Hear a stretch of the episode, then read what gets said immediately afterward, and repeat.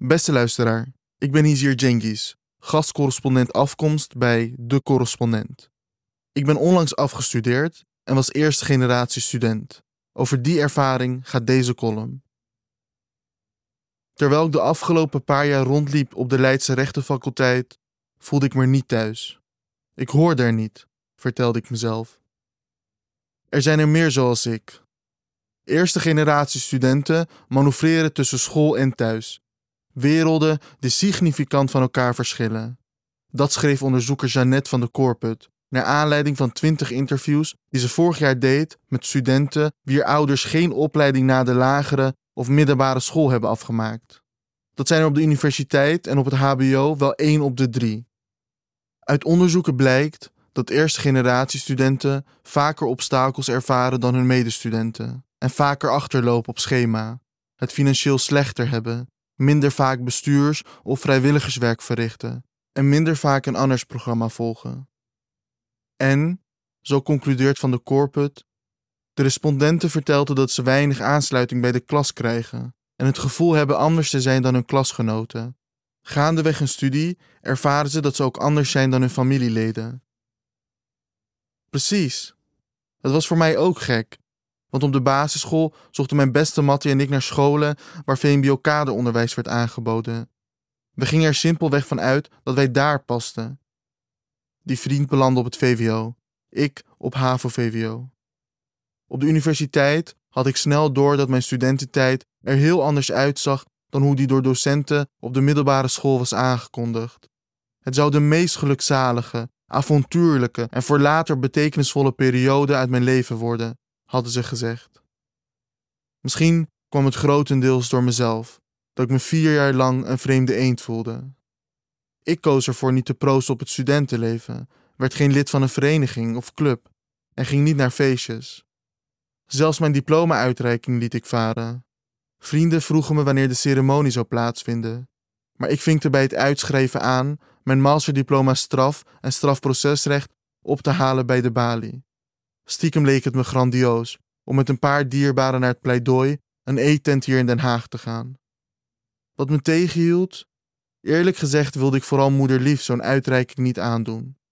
Ik haalde mijn diploma in het besef dat zij ooit huis en haard verliet, haar eigen dromen en zo zichzelf opofferde en haar heimwee doorstond en dat na twee decennia nog doet, zodat mijn zussen, broer en ik hier kunnen bloeien en bloeien. Ik wilde haar niet confronteren met wie ze misschien ook had kunnen worden, met het podium dat haar niet is gegund, omdat ze koos voor ons. Evenzeer speelde schaamte een rol, niet alleen tegenover thuis, maar ook tegenover mijn vrienden van weleer, die ik niet meer spreek omdat onze taal, interesses en wereldbeeld uiteenlopen. Schaamte omdat ik wel het geluk had me in een nieuw milieu te begeven. Dus waarom zou ik naar een diploma-uitreiking gaan? Zo dacht ik. Tot ik het boek, eigenlijk de hartekreet, van Milio van de Kamp las, dat als titel heeft Misschien moet je iets lager mikken. Een verhaal over armoede en kansenongelijkheid. Van de Kamp groeide op in armoede, was getuige en slachtoffer van huiselijk geweld, ondervond kansenongelijkheid aan den lijve, bikkelde zich naar de universiteit en is nu universitair docent.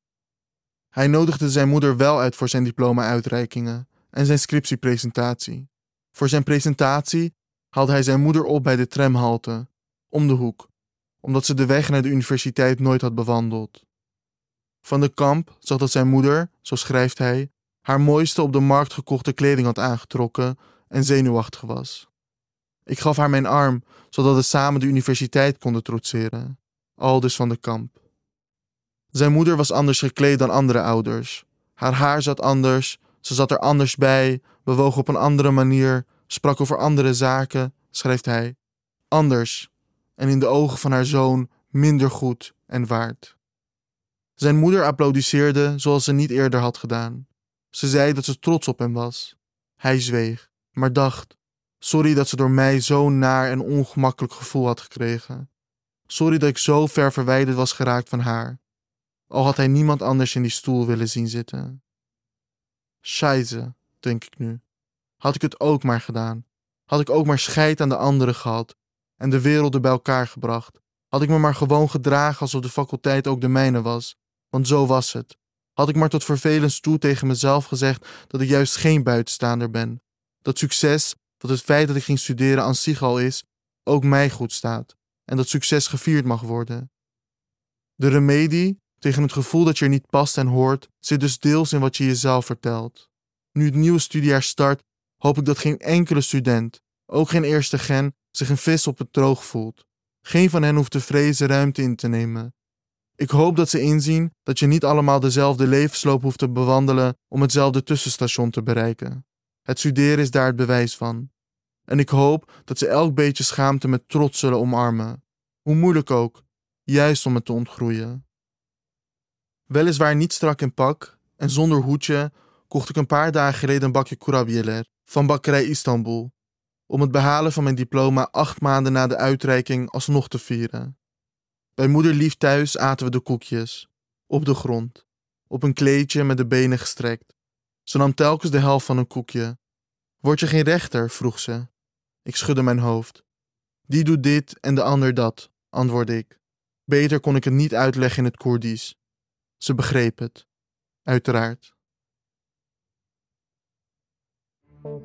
Het is de missie van de correspondent om voorbij de waan van de dag te gaan. Onze correspondenten voorzien het nieuws van context en schrijven over de grote thema's van deze tijd. De correspondent geeft me de vrijheid om mijn nieuwsgierigheid te volgen en de tijd om verhalen te schrijven. En zo probeer ik onzichtbare structuren zichtbaar te maken en een andere kijk te bieden op debatten die het nieuws domineren. Dan gaat het minder over het spelletje en veel meer over wat er op het spel staat. Vanaf dag 1 zijn onze artikelen, boeken en podcasts gefinancierd door onze leden. Volg ons op onze journalistieke zoektocht. Overweeg eens lid te worden van de correspondent. En maak daarmee samen met ruim 70.000 anderen onze onafhankelijke journalistiek mogelijk. Dus word lid van de correspondent. Ja. Word lid. Word lid.